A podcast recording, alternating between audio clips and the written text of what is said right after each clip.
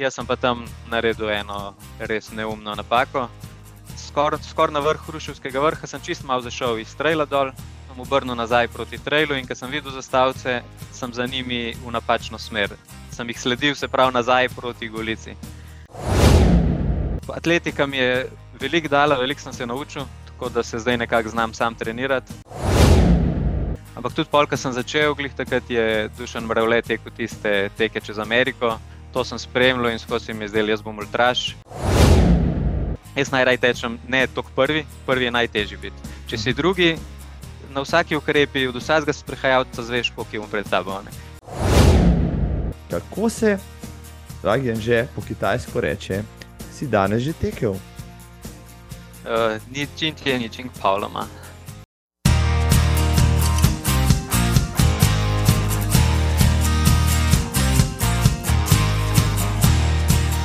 Spoštovana publika, tole je epizoda 1, 2, 3, 123, podcast za gre za tek. Poslušate in gledate, moje ime je Marko Roblek, z mano pa danes, ha, prepoznali ste ga že po obličju, najbrž. Uh, čeprav ima veliko krat gor uh, kapco, na kroku obrnjeno tudi moj, uh, ne, uh, značilen, recimo, luk na tekih. A že sobočan, pozdravljen, živijo. Živijo, Marko. Kje sem te najdel, dobu snel? Uh, sem kar doma, uh, glih kar smo še s kužami prišli z prehoda, tako da glih prav. Sem se že razgibal. Torej, vprašanje, ki ti ga moram postaviti. Si danes že tekel? Sem, ja, danes pa zajo, ona sicer dela od doma in na mest pauze za kosilo greva kdaj kar en krog teč. Tako da so šle en tak, dosti lahkoten tekec skupaj, 12 km. Je bilo super. Lušten, lušten. Uh, vel, veliko krat tečeš z njo, um, malo počasneje kot običajno, si navaden. Ja, precej velikrat. Zdaj skoraj recimo nekih 80-90% njenih tekov narediva skupaj, kar je pa potem polovica mojih nekako. Tako da Bravo. zadnje dve leti to prakticirava in to je meni ful veliko pomagal, ker je to garancija, da jaz nisem prehiter. Pa nek čas, ki ga preživijo skupaj, in je res, uh, mislim, da za oba to zelo koristno, rade, zadnja leta. A vidiš, ja, poznam ja, neko veliko, veliko parov, tudi ki tečejo, ne pa jih zaradi tega ne tečejo skupaj, ker recimo um, mladenič moški reče: Jaz pa ne morem tako počasi laufati, ne? pa je ona sama, gre enkrat na mesec, se žrtvujem, pa me ful noge bolijo. Pol. Ampak tole, kar ti počneš, um, spoštovani fanti, pa tudi dekleta, ki ste hitrejši od svojih partnerjev, je morda recept za to, da se ne prekuriš, pa na, vem, na regeneracijskih dnevih uporabiš na mesto ne nekega teka, ki bi ga sam kasneje uporabljal. Res, pa še tudi lahko greva celo tako počasi, da je tudi za njo še vedno lahek tek. Meni men praktično nič ni prepočas, ker ko enkrat za nekaj 100 mil tekme treniraš, je tudi super biti navaden počasnega tempa. Sem imel že ta problem, da potem pa 6-0 tempo sploh nisem znal uh, teči, kar je pa realnost na neki 100 mil na tekaških odsekih. Tako da um, je pa tako, da recimo jaz kdaj naredim en dan prej zelo težek trening, pa mi je pol glih prav drug dan uh, z njo malo počasneje. Um, se pravi, ne, zdaj jaz poznam veliko cestnih tekačev, pa maratoncev, ki še niso šli v trail. Uh, se pravi, na, odličen nasvet za družinsko srečo je, da tečeš skupaj s svojo drago ženo, to pa narediš tako, da postaneš ultra trail tekač, ker potem ja. moraš počasi laufati. Ja. Pa še tudi prej sem, sestra moja, recimo, tudi teče, pa sem vedno z veseljem šel tudi z njo. Tudi, kaj še pol maraton, so skupaj tekla, bistveno počasneje, kot bi ga jaz sam, pa sem z veseljem. Pa sem tudi dogodke v eni drugi luči videl, malo bolj v tisti sredini, pa da sem jaz užival, pa se lahko naokrog gledal. Tako da mi je res, to mi je super. Kdaj. Pa na teh raznih tekaških druženjih, kot so se pogovarjali za soboto, ko smo bili Salomon Running Academy, je super. To bolj za druženje, kot da bi rekel, da je nek prav hud trening. Bravo. Um, ja, zdaj sem se spomnil zgodbe iz enega maratona. Mislim, da smo bili v Barceloni, z nami je bil Lež Žontar, takrat uh, eden uh, boljših slovenskih maratoncev, pa ga je neki zvili, je mogel teči maraton na koncu 3 ure 15, kar še zmeraj so razmerno hitro. Še vedno dobro. Ja, ampak je rekel, pa sploh nisem vedel. kakšna gužva je tam zadnji prvs. Pa koliko zanimivih ljudi sem rekel, no, vidiš, on ta.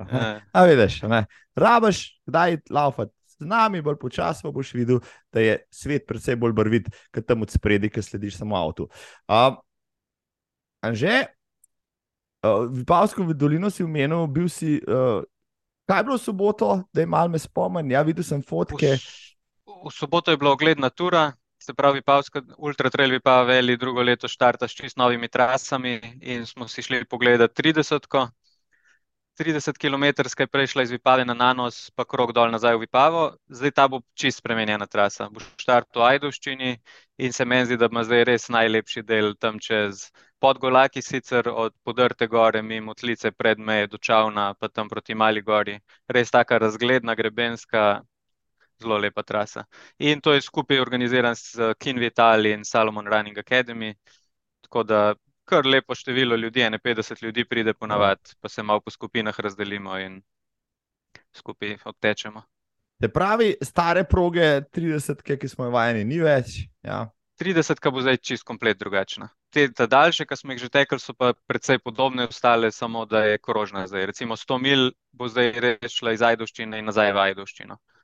Lepo. Um, lepo. Samo, da gre najprej na nanos, pa potem uh, na tlen po drugi strani. Veš, jaz sem šel med korono uh, virtualno, tisto 30, 35, nekaj tasga. In od takrat naprej se zaklinjam, da me ti spust zabrama, ne vidi več živega, pa da nikoli ne grem dol na dirko, zdaj si mi no. pa tudi prvo obzorje. Noro. Ja. Mogoče je nova, še pikico bolj tehnična, ampak je res zelo lepa, tako da prav trajno. Uh, zabrama, ne vem, ta je tudi kar tehničen na enih delih, ampak je lep. Ne, ti, dobro, ja, okay, tega tebe ne bom sprašoval, vem, ker si ljubitelj teh, teh progtem. Um, tudi Salomonov človek si, kaj ne, si pač mm. njihov ambasador, drži. Ja, tako je. V ekipi tekmovalcev, v bistvu. Koliko časa že? O, dve leti bo zdaj. In se pravi, nosiš pravi, Salomonke na svojih tekaških podvigih. Ja, se, zdaj nosim vso Salomonovo opremo. Tudi prej sem že veliko večino nosil Salomon, tako da res so mi ustrezali, to je glih prav prišlo zdaj. Uh, se mi zdi, dobra oprema je trpežna. Vice, da imajo tradicijo že dolgo, niso na novo v tem. No, zdaj, evo, zdaj za najne poslušalke, In gledalce tam zunaj, zdaj boš malo povedal, kateri model je tep najljubši, mogoče malo za daljše, mogoče za krajše, hitrejše, mogoče celo še za cesto, evo, bodi zdaj le. Um, Naredva malo reklame, evo, pred, pred, pred Black Fridayom.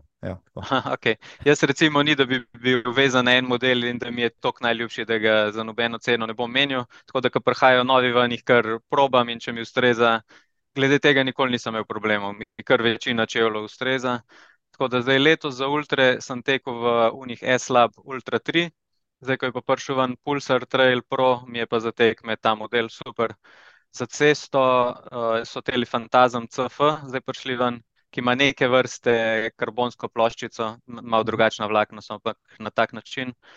Drugač pa v Ukrajini, ki so se videli, sem pa tekel čisto enih navadnih trening uh, Sonic Balance, ker sem mislil nek čevelj za tisto, ki bo blažen, po katerem ne bom prehiter, ki mi je bil cilj počasi teči. Tako da za cesto, za trening, kakšni Sonic, Accelerate, Sonic Balance, za tekmovalno imajo pa zdaj fantazem. Lepo.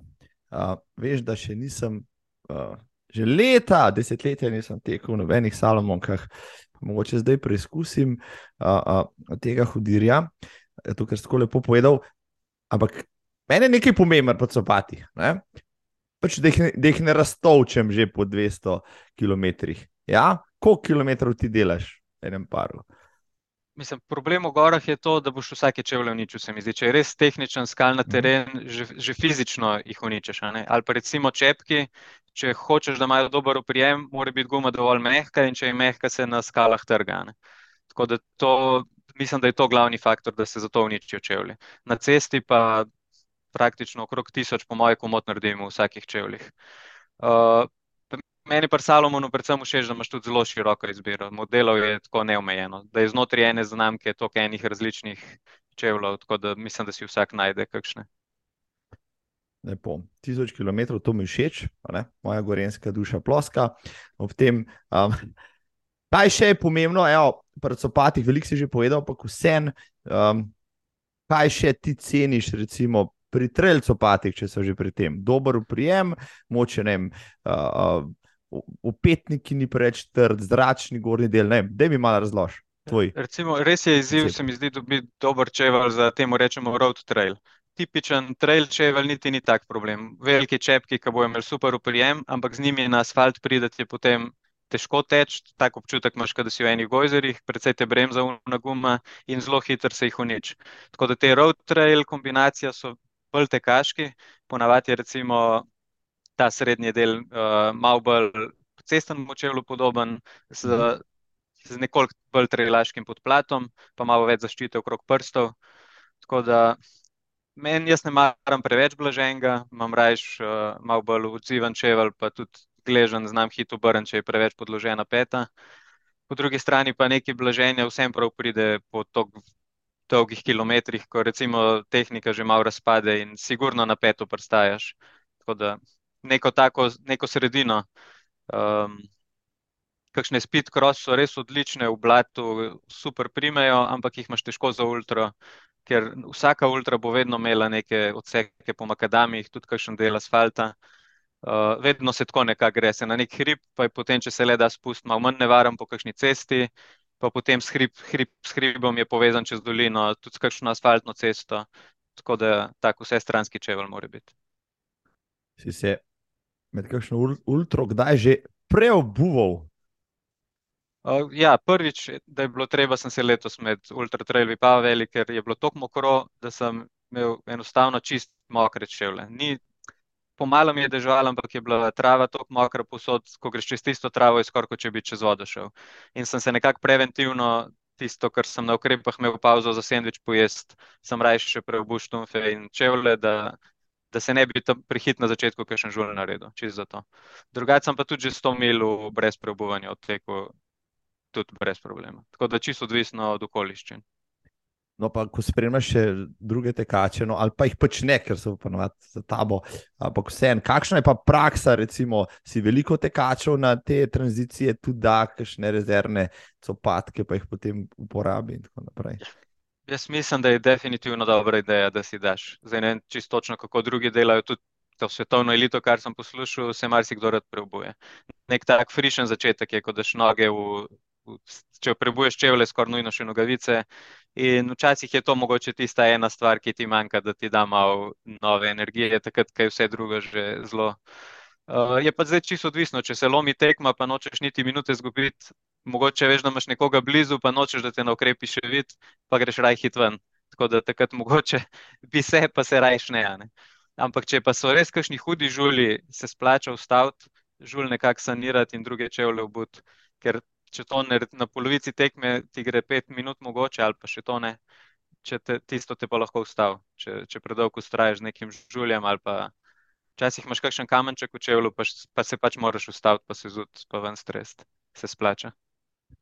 Uh, no, letos, evo, da, ko si tole govoril, sem se spomnil, da si bil letos na Julian Abstrel. Uh, Mogoče iti na 100 milko, to so dal pol na 100, ampak jaz sem gledal tiste fotke, štarta, pa vmes. In sem rekel, primilem Bogu, le pa res ne vem, kako bi se oblekel, kako, kaj daš na se. Pa tudi, če bi se preoblekel vmes, se tri minute, pa si bil na istem. Da jim malo povej to izkušnjo. Pa kaj se je v bistvu zgodilo to, s to tvojo dirko, na katero si mrske stavil? Ja, mislim, bil sem bolj pripravljen recimo, na 100 mil, potem že na poti v Kubarit je prišel tisti mail, da so mogli odpovedati in res niso imeli druge izbire. To je bila nevarno bi bilo, enostavno bi bilo preveč nevarno. In potem smo dobili možnost se prepisati na 100 km ali pa na drugo leto predstaviti. Pa sem si mislil, če sem že prštiman, pa vse spakiran, pač gremo. Ne? Plus tekma je štela za ta pokal Alpe Adria Trail Cup, kjer sem zbiral točke in takrat sem bil še v vodstvu in se mi je zdaj pač vsem grem probat. Uh, na 100 mil si dobil sicer uh, 30% več točk kot na 100 km, ampak sem rekel, vsaka točka mi pomaga. Ne? In sem si mislil, grem čisto uh, previdno, znabi, da bojo zelo hitri na 100. In sem se nekako znašel prvi, že po 31 km. Uh, res nas je celo noč močal, ampak ni bilo tako zelo mrzlo, tako da ni bil tak problem. Jaz sem anorak celo slekel, ker če podano rokom švicaš, si še na slabšem, kot če si od dežja malo mokr. In tam nekje do, uh, do Valvazorjevega doma je bilo še za nas še kar uredno. No. Razen to, da nas je celo noč močal. Jaz se recimo tudi preobuval nisem, ker sem ugotovil, tok hit bo imel spet mokre čevlje, da ni, nisem izdelal smiselno. Potem je pa tam na Valvazorju je pa začel počasi se drži v sneg počasi preminjati, mrzo veter je začel pihati. Uh, v roke me je tako začel zebati, da nisem več gelo mogel odpirati, imel sem pa rokavice pa čisto mokre. Sem jih hotel dati na roke in sem vodo iz njih stisnil in se mi je zdelo, da je to tudi, če ne dajem na roke. Uh, tam je tudi dohitil Jan Božič, ker se mi je skozi del, da on slej, ko prej mora iz nekje pridati. Uh, in sva nekaj časa še šla skupaj, pojšel pa on od Golice naprej, uh, mi je naprej všel, jaz sem pa tam naredil eno res neumno napako skoraj skor na vrh Hruševskega vrha, sem čist malo zašel iz Trejla dol, ampak to, to se redno dogaja, to ni noben problem. Nisem več videl zastavcev, sem obrnil nazaj proti Trejlu in ko sem videl zastavce, sem za njimi v napačno smer. Sem jih sledil, se pravi, nazaj proti Golici. In to, ki me je zebel, sem hotel samo čim prej v dolino in sem mislil, da se spuščam proti Dovju, pa tako, za kontekst, bila je še tema, bila je megla gor, pač prezebu, ne vem, neum, res neumnost, ampak in sem se spuščal nazaj dol iz Hruševskega vrha, ker se malo luknjo spustiš pred Golico. In tam sem pol srečal zasledovalca dva. Pa najprej mi še ni bilo jasno, da ste kakšne druge trase ali skje še le tretji, tisti, ki je bil pol četrti, sem pogledal, kaj se dogaja in me je, moralno me je toliko sesul, da sem odstopil. Čeprav mi je zdaj res žal, da sem odstopil. Mogoče bi obrnil in še enkrat, še enkrat uspel narediti in priti do cilja, tudi če peti ampak takrat se nisem uspel. Zdaj pričakuješ vse živo, tega pa res ne. ne. Jaz sem še navigacijo na uri in sem gledal uro in jaz sem bil na trasi. Samo tak, tak, tak splet okoliščin, da nisem vedel. In pač zdaj je nova šola. Tako, to me je šokiralo, da sem odstopil, mi je pa pol žal bilo, da sem odstopil. Mogoče bi obrnil in mogoče bi še tudi tu na dva nazaj, pa tudi če jih ne bi čisti spoštovanja do dirke in do tega, da sem že celo noč nekako preživel. Ampak ja, za drugič. Tako mislim, ko se mentalno pripravljaš, se na vse živo pripravljaš. Na kaj takega pa se pa še nisi, nisi računal, da se lahko tako zgodi. No, se... ne, točke za Alpe Adria Trail Cup dobil, pa bo vse super, ni problema. Posem je pa naenkrat zdel, zdaj sem pa tok zgubil. Samo iz tega vidika, pa sem bil še vedno, polk sem zašel, sem bil še vedno peti. Ampak me je moralno tako sesul, da se pač nisem, mi je, pač mi je žal, ampak sem odstopil. No, zdaj, ok, lekcija tudi za vse druge, ja, če se vam kaj daj, zgodi kaj takega. Ja. Um, če, za, če zaidete s proge, pa greste potem v napačno smer. Um, no, če bi se meni to zgodilo, recimo, bi sigurno že prej koga srečal, ki je v nasprotno smer, ampak smola, da si bil pač tako dober in da ni bilo nekih, neke gužve na progi, ki bi te prej, recimo, obrnila. Pa še ja. ko sem jih srečal, sem videl, kako sem dobro prednost imel, ker je kar nekaj časa trajalo. Jaz sem, jaz sem norel dol z klanca in če sem malo seštevil, sem videl, da je bilo 15 minut nekako. Ampak pač je, kar je. Ni, uh... Takrat pol en, nekaj še teden, 14 dni, to, kar boli, je kar treba preboleti, ampak zdaj sem, zdaj vem, da je pač. Uh, zdaj vem, kaj je bila res napaka. Tisto, da sem zašel, se pač zgodi. To, da sem pa odstopil, to je bila pa zavestna odločitev, kaj je bila pa napačna. Tako da za drugič. Zgodba je pa dobra. Lej, zgodba ja, je zdaj je zgodba, točno to. Zgodba je ostala pa lekcija. Hudo, mislim, hudo. Ja, vsi smo se spraševali, zakaj nisi bil v cilju. Ko smo gledali rezultate, pa smo rekli, zihar, ga je tisti, tisto blato, pa tiste drsalence nekje odneslo z proge, pa je pol mogo iti, ampak evo, to pa ne bi nikoli pomislil. Ja, vse to mi je bilo še hudo, da sem vse to preživel nekako, pa več ja. ali manj ta hujš del med Golico in Hruševskim vrhom je bilo kar hudo. Vem, da je bil pol še spust, unka ga jaz nisem videl, je bil tudi kar drsalence, ampak to bi se že zdrsul dol. Pa me je pa čakal un del iz Dovja v, do srednjega vrha, čiste kaški, ker sem se ga skozi pomalem veselil, ker tek mi gre nekako. Eh, to se mi zdi prednost moja na ultrah, je, da na te ravne tekaške odseke jih pol kar dobro tečem lahko, ker sem ceste vajen, ampak je bilo, kot je bilo. Kako si potem prišel vem, do, do cilja, do, do uh, Klical sem Maja, da bom odstopil, pa me je še prepričala, ne odstopati, ampak se nisem dal prepričati. In na mestu, kar bi mogel narediti, ona je bila že tako, me je v dolju čakala, ker mi je bila malo support, pa bi mogel iti vsaj do dolja, pa bi se do takrat mogoče premislil. Pa sem rekel, ne, ne, ti kar pritlele do uh, pod Golico, tisto parkirišče, kaj izhodišče za Golico gor. Uh, ne vem, kaj že prvni. A, Planina, planina, po- planina. Mislim, da smo se, ja, Ja, tam smo se ja, ja, dobila. ja, ja. Tako da. In sem, nisem hotel nobenega več videti, samo domov. Ja, evo, Pač zdaj se zgodi. naslednje leto se vrneš uh, with a vengeance. Ja, tako. Ja, upam. Tudi če špičene prekle dol letijo, a ne si rekel. je Rekel, do cilja sem šel, pa še kontra nazaj, za nalašč, celo progo. Ja, ja. Sem za nalož zgubil, da, da testiram voljo. um, no, um, Anže, če bi ti rekel zdaj, le, predstavi se, prosim, v enem stavku, kaj bi povedal o sebi. Koliko več tam lahko vmes. Uh, Poljubno, evo. mislim, v enem stavku ne vem. Mislim, da sem res od mehkega uh, zaljubljen v tek ja, in skozi imam neko tako globoko ljubezen prav do ultre. Uh, ko sem začel kot zelo mehen, uh, se nekako s tekom ukvarjati, tako pa rene, pri desetih letih sem začel atletiko trenirati, ampak že prej sem hotel, drugi športi mi res niso šli, ampak takrat pri Olimpiji v Ljubljani niso sprejemali do desetega leta.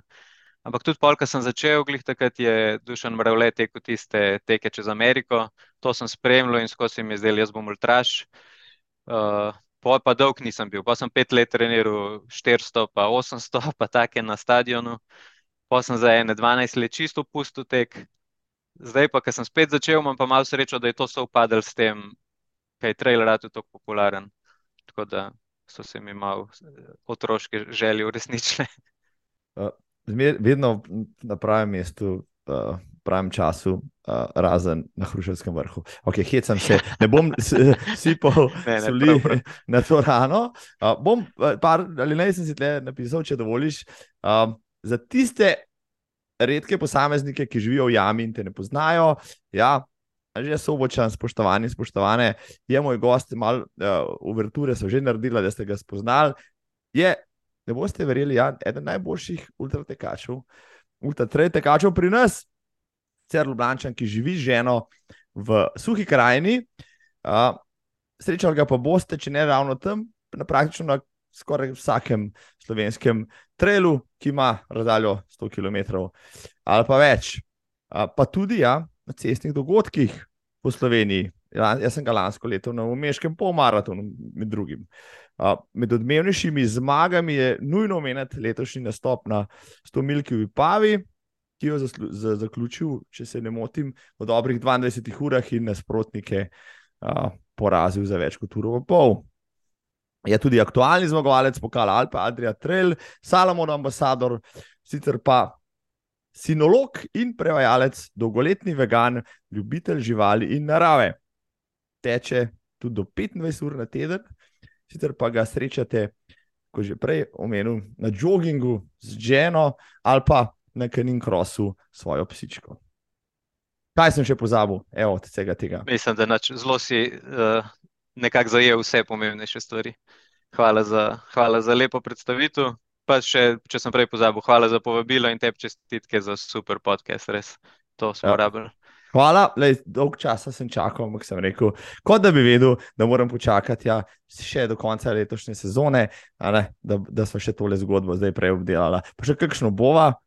Najprej mi boš pa povedal, prosim, že, kako je živeti zdaj na vasi, da že nekaj časa si dol v suhi krajini. Uh, super, mislim, tukaj se jaz počutim doma. Mi smo sicer odla, odraščali v Ljubljani, ampak oba starša sta iz Žirov, tako da oba dedka in babice sta bila tam, kjer smo preživeli vikende, pa praktično vse počitnice. In jaz sem že takrat nekako videl, da v bloku bo- bom težko, Ni, nisem imel želje, ko bom lahko šel na svoje, ostati v bloku. Uh, pač okoli hiše, psi, to je, to je čist nekaj drugega. No. Tako da jaz uživam tukaj, uh, malo tega fizičnega dela po, po njivi, pa tako, pa gozd je blizu, pa res mi je všeč. No. Ne, ne pogrešam prav zelo mestnega vrveža. Sem, ja, sem, sem tuhtal, ko sem se pripravil na tale podcast. Sem rekel, ok, Ljubljančan uh, z gorenskimi koreninami, s prekmurskim priimkom, Ja. ki ži, živi na Dolenskem Ne, raj teče pa na primorskem. Rekel, Ja, pomaga. ne, zaple, kar zapletenje. ja. Kar Ne, zapletenje. Dedek je iz Prekmurja, ampak se je preselil v žiri, starša sta torej oba iz žirov. Uh, a, tako da ja. Zdaj smo, ko so se pa zdaj vselili, so pa rekla, grejo čist nekam miks. Ona je pa iz uh, Hraštem pri Lescah, je pa ta prava Gorenka, ampak Naša. rekla, grejo nekam čist drugam. Pa Zakaj še- suha krajina? No, to mi povej. Ja. Ja, bistveno cenejše nepremičnine, to bo kar glavni razlog. Bi z veseljem ostala tam, kje je okrog Bleda ali pa pod karavankami ali kaj, ampak je pa tudi po drugi strani nek poseben mir je tle. Meni je kar v redu. Vse grejo velikrat na Gorensko, ker so njeni starši tam. Pa jaz tukaj ne pogrešam tega turizma. Kočevski rog je taka milina, res si, res si sam, tako mi je kar v redu. No. Tistih se veliko hodva v gore, ampak spet zapeljati se ni tako daleč. Tako da Um, Uh, tisto si šparam za treniram večinoma tle po teh gozdovih, tisto je pa potem češnja na torti, ta prave gore. Se pravi, poleg kočevskih medvedov je sobočana moč srečati v kočevskih gozdovih, kjer trenira za vse ostale dirke, tudi za domačo. Tako je, lokalci to kar vejo, kam me srečujejo. Zdaj, zdaj so se že navadili, da, da je normalno, da tečem z vasi, pa če 4 ure nazaj pridem. Najprej mi je bilo res čudno, me je kdo vprašal, kaj si delal 4 ure v gozdu, ker vejo, da nimam svojega majne tle. ne. Uh, Ja, gob ne- Gobe na biro pa gledal, da bo smreke zrasle. Ja. ja. Tako. Letos bi mogel iti na, na Kočevsko, trail, žal mi ni uspel. Uh, malo sem gledal tiste trase, ampak uh, pa sem rekel, jaz res ne poznam tistih krajev dol, da mi malo piš, kaj je dol najvišji. Uh, hrib, mislim, kakšen teren je to? Jaz sem bolj vajen gorenskega, skalovja na en način, ampak dol je pa malo spet. Najvišji vrh rog, aha, sorry, najvišji vrh roga je prav ta veliki rog, kamor je tekma tudi šla. Je malo čez tisoč metrov. Mi do Satle sicer na drugi strani roga imamo tukaj Sveti Peter nad dvorom, je 888 Lepa. in za mene je super teren za trening. V bistvu narediš kar 700 metrov spona, ker smo zelo nizko tukaj in v bistvu imam vse terene, kar jih rabim. Zdaj, Trajlo je malo, ker malo ljudi hodi v gozd, tako da večinoma so te gozdne ceste, ogromno makadamo je. To je na stotine kilometrov, kjer se komod zgubiš, in ker je kar veliko območje. Tako da jaz imam ta teren do podstenic, kunč, tudi do tam, kjer je bil štart uh, od tega Kočevsko outdoor, Mhm. pa iz tega konca. O, Se pravi, iz uh, občina Dolenske Toplice, Žuženberg. Uh, ogromen je, ogromen je. Terena je pa v glavnem niso kakšni razgledni, ker večinoma je v gozdu. Redko, kjer vrh pride malo na, na iz gozda ven. Na razglednike, potem pa prideš na Gorensko, praviš, ali kako. Tako je. Gore Ja. so pol za, malo za nagrado, pa za uživancije. Dvakrat na stol, pa imaš trening narejen, hecam se. Ja.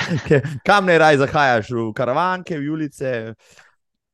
Ne, največ kamniško-savinske pa karavanke. Lepo. Julice probam vsako leto vsaj enkrat iti, uh, ampak te so precej bližje, se pravi, Kamenško bistrco se zapelješ, pa so res že zelo lepe gore. Pa karavanke, ker so ajni tam blizu, da včasih psetja malo v varstvo pa grejo. Uh, skoraj vsako leto stol begunjca, to klasiko. Greben med stolom, pa zato mi je bil Julian Alps tako privlačen, ker je res najlepši greben, po moje, pri nas. Sicer smo mogli to tudi uh, zaradi vremena uh, Pustiti, ja, odpovedati ja. ta del čez stol, tako da je šel spodaj. Ja, to v glavnem. Ampak to ne tako zelo z vidika treninga, kot tako sva zajo začela. Ona še ni tekla, ampak so veliko skupaj v hribe hodila. Pa so pa videla, zdaj, če hočejo kakšno daljšo turo, je pa treba kakšen delček tudi malo poteči, drugače se te ture razvlečejo na dva dni, če pa hočeva v en dan stisniti, bo pa spuste pa ravnine tekla, tako sem jo počasi pol tudi malo tek. Ja, dobro. Kako, Ja. kako, ženo, kako ženo ja, vrš na finto, da začne teči. Ja. Lepa. lepa, lepa. Um, si, si, si delal kdaj kakšen trening? Nekateri jih poznam, hodijo pa z Ljubljane, laufajo pa na Triglav ali pa z Lest ali pa z Radolce ali pa čez, ne vem, čez vse grebene tja proti prot Storžiču in tako naprej. Si imel kaj take tako podvige? zelo tazga ne. Imam svojo letno klasiko, da z Ljubljane tečem v žiri, tam je taka čist cestna, saj sem rekel, rad, imam, rad tečem po cestah, tako da grem tam zdaj iz, uh, čez Šentjoš pa čez Smrečje. Včasih smo se vozili čez Škofjo Loko, zdaj pa tle bližje pod, kaj je lepa cesta.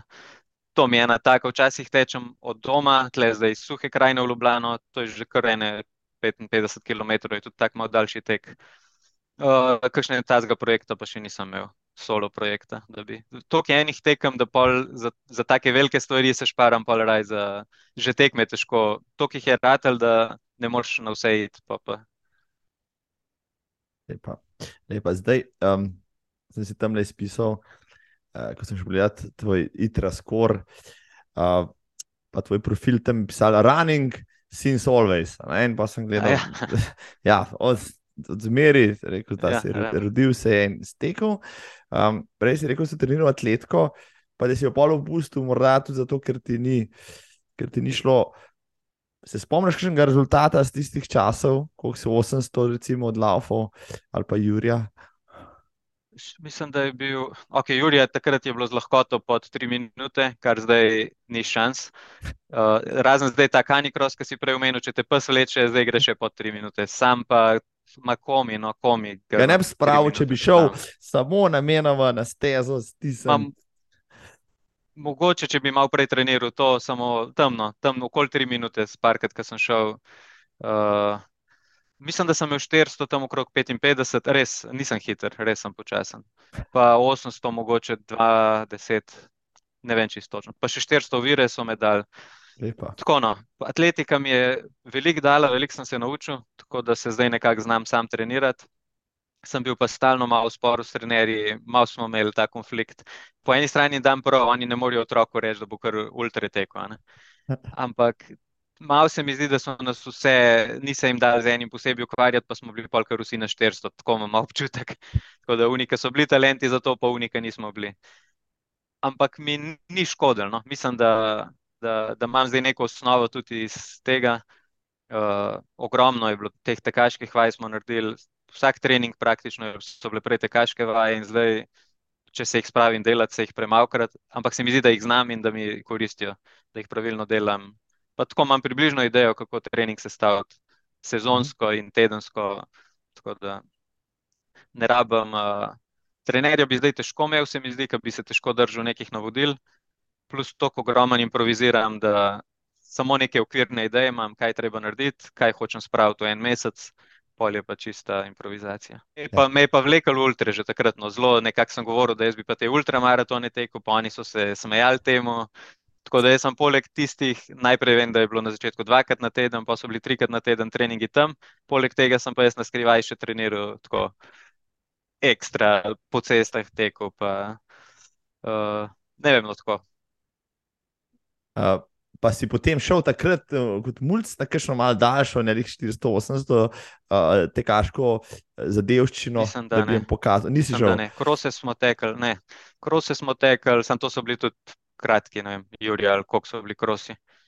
Ja, ja, krajši, tudi 600 metrov so bili krosi, ne, čez kratke. Ne, malo sem tako zanimivo. Uh, turo sem imel. Takrat smo se vozili skoraj vsak teden, vsak vikend na obisk k babicam uh, čez Škofijo Loko, pa tam čez Trebijo. In en dan meni kapne, dajte vi mene tle na Trebiji ven, pa bom jaz teko dožiral. Uh, to je gli ene sedem km, ni to kakšna ultra. Ampak izkušnja je pa taka malo ultraška. Mene je to vlekel. Jaz le ob cesti teku, tako kot mrav letam po Ameriki. In za čuda, to sem bil star 11-12 let, sta se starša strinjala.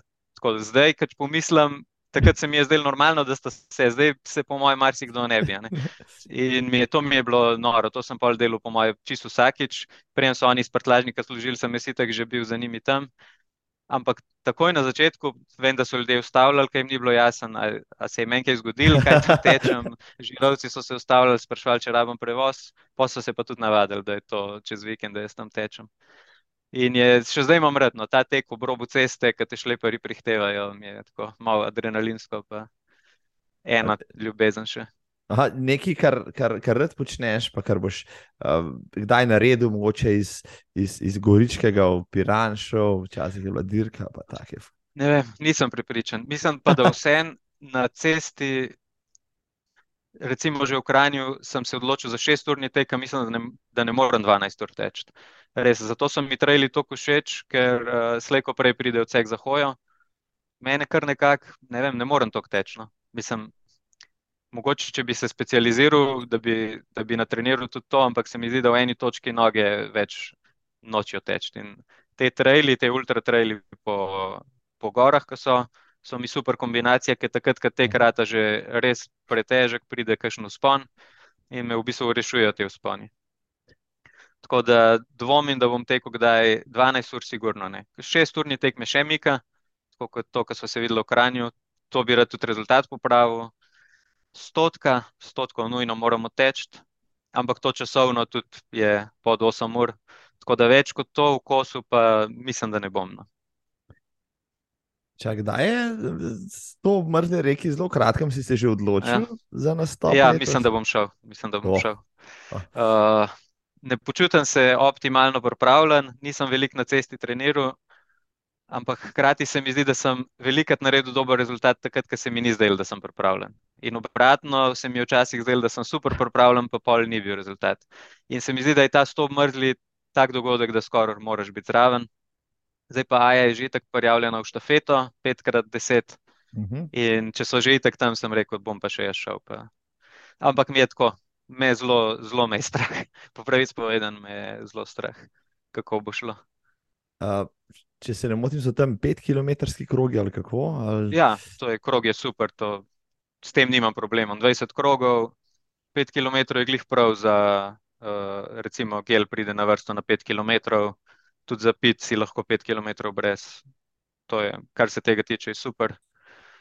Uh, krogi mi nikoli niso delali problema. Koliko je v Kranju, je bil pa 1,3 ali koliko že. Tako slabih km 300, tako. tako. Pa mi ni to, mini, psihično mi ni tak problem. Uh, bolj je problem, če bojo noge zdržale tome. In tokrat bom res, res počasi začel, ker sem se dvakrat opekel. Lani sem, jaz bi mogel prvo stotko najprej samo teči, pol pa iti naslednjo na rezultate. Ne. Jaz sem bil pa malo preveč samozavesten, pa sem kar štartil na to, kar mislim, da mogoče lahko enkrat utečem, okrog 70, 7-15, mislim. Ampak ne prvič, ne prvič. Ne. Jaz bi mogel prvo počasi, pa pa. In sem odstopil po 55 km in sem se prijavil na Polojsko ultra, in sem tam še enkrat odstopil. Tako da zdaj, zdaj bi rad jo odtekel. In mislim, da sem se že malo poboljšal, ker že ta šest ur ni tekel Kranju, sem se držal tega, da sem rekel, zdaj pa bi jaz rad šest ur tekel. In sem začel res počasi, pa se mi je obrestval tam. In sem se pol super počutil, to je najbolj, da sem užival in da sem do konca lahko lepo tekel. Tako da tukaj imam zdaj podobno taktiko. Po pameti začnem, pa pa vidim, kako bo šlo. Ja, v Kranju se spomnim, sem te pred štartom vprašal, kako si, pa si mal potarnal, da ni moče to tvoj najboljši dan, no pa ko se je tekmo odvijala, če bi trajala še pol ure, bi že debeljaka, ki je na koncu zmagal, uh, uh, lepo ogrozil. Na koncu sta imela razlike, niti ne toliko velik, če se ne motim. Ja, jaz sem uh, tako, ker sem se odločil, na, zelo sem hotel iti na ta šesturni tek, hkrati je bila pa en dan prej Kočevsko Outdoor Festival. Uh -huh. To sem pa tudi nujno hotel iti, ker je del tega Golden Trail National Series in je tri kvalifikacijske tekme so. Se pravi, Ultra Trail Vipava 30, Kočevsko 30, pa pa na Hrvaškem Risnjak Trail, pa Učka Trail. In od prvih treh ti štejeta najboljše dve. Jaz sem prvo že zamudil, ker sem v Vipavi tekel 170 na isti dan mhm. in sem pa nujno mogel iti na Kočevsko.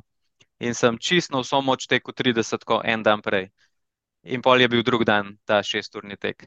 In to me je v bistvu rešil. Po pravici povedan, jaz sem si pa rekel, jaz grem to za trening, pa hotel sem biti zraven na tem dogodku, toliko sem lepih stvari slišal, Kranj je dejansko rojstno mesto moje, ne vem, vlekal me na ta tek in sem rekel, grem za trening. Čist to, da če lahko tečem stotko, sem si mislil, lahko jaz tudi tečem en dan 30, pa naslednji dan še 70. Recimo, tako da sem res počasi začel in mislim, da me je rešil to, ker je bilo tako vroče, se je bil tam. To je bilo vroče, da se takrat ob 12. ni splačal prehiter teči. In še posebej te teki, ki so na čas, če ti hit tečeš, si še nič nisi skrajšal dirko. V vsakem primeru boš šest ur, boš v vsakem primeru. In sem jaz si, res sem si zabičil, da ne bi slučajno šel s prvimi ker me potegne, vem, kako je, ker te potegne, te potegne. Ne. In sem namenoma malo zadnji vstal, da so mi šli z vidika in svoj probo, svoj tempo držati. In sem si rekel, prve tri ure se samo čuvi, da se ne pregreš. Posem je pa, pa so pa noge kar bolj šratele in pa je bilo super, no, tako užival sem tam. Um, ja, kar nekaj hitrih matadorjev je to neslo, ko so začeli laufati tam tiste kilometre krepko po 4 minute na kilometr. In izgoreli pri veliki želji. Ja, ti si pa na koncu osvojil izvrstno drugo mesto. Ja. Uh, boš naslednje leto šel to popravljati? Uh, Mika me, ampak še nimam čisto seznama tekem. Tako sem rekel, to je veliko enih tekem, ratelj, da bi, bi redno. Ampak, ja, spet bo isti vikend, pa kočevsko, če sem prav videl. Ja. ja, se pravi, tudi kočevsko še nisem prijavljen. Malo moram videti, kakšno poleti gledam, mogoče kakšno, da, kakšno 100 mil tekmo z več višinci, ki je v Avstriji, kaj mogoče. Uh, v bistvu smo zmenjeni samo knafeljem, prijatelj Žirov, on ima zdaj nalogo, da najde tekmo, pa smo rekli, da gremo skupaj. Te recimo 100 mil tekme, ki so res gorske, ki narediš mogoče čez 10 tisoč višincev. Tako da za enkrat drugo leto vem samo za Ultra Trail Vipaveli, sem že prijavljen na 170 Ampak ta je zelo tekaška. Tam ima recimo okrog 7000 višincev uh -huh, uh -huh. in vmes moraš biti kar tekač, da jo dobro dober narediš. Uh, in če kaj ti si tekač, no zdaj, uh, se si sam rekel, ja, cesta ti tudi ustreza, to je tvoja prednost. Zmer si hotel ultra teč, no, na koncu si zajel trail, ultra trail val in se tle noter najdu. Ampak, če vam čisto en korak nazaj, rekel si, nehal sem, imel sem željo, ampak vmes nisi tekel, potem si se pa pri 30-ih spomnil, da bom šel pa jaz spet teč. Kaj je pol takrat prevagalo? Mislim, čist na začetku, par let, sploh nisem hotel. Se mi je res zamerila atletka, imel sem tam tudi en kup enih poškodb, ki se kar niso, pa niso hotele popraviti. Po me je pa začel mikati, se pa nisem mogel več spraviti. In ne, to je tako težko zna biti. Težko si, kad zdaj koga vidim, ka prav pa bi rad tekel, pa ne morem. In razumem, kako je.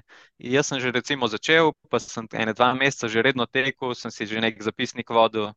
In po ne vem, par tekov spustil in je šlo letom in, in spet nisem.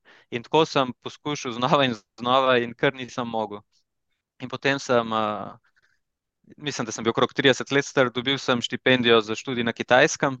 -hmm. In sem izkoristil tisto totalno zamenjavo okolja, sem kar veliko spremembo naredil. Tam je bil uh, faks, je bil zjutraj tisto predavanje in pol cel dan frej, brez vseh obveznosti, in sem neko rutino ujel, ker sem jo pol celo leto tiste štipendije držal.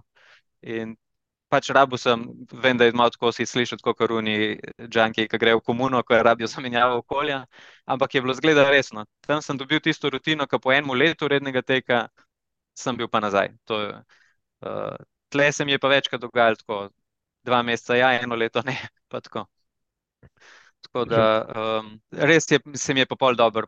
Pa sem par let tekel čist, brez da bi na kakršno koli tekmo šel, uh mhm. -huh. so se pa glihte trajli začeli in se mi zdi, da so tako nekako dobro so upadli, da sem se v tem najdel.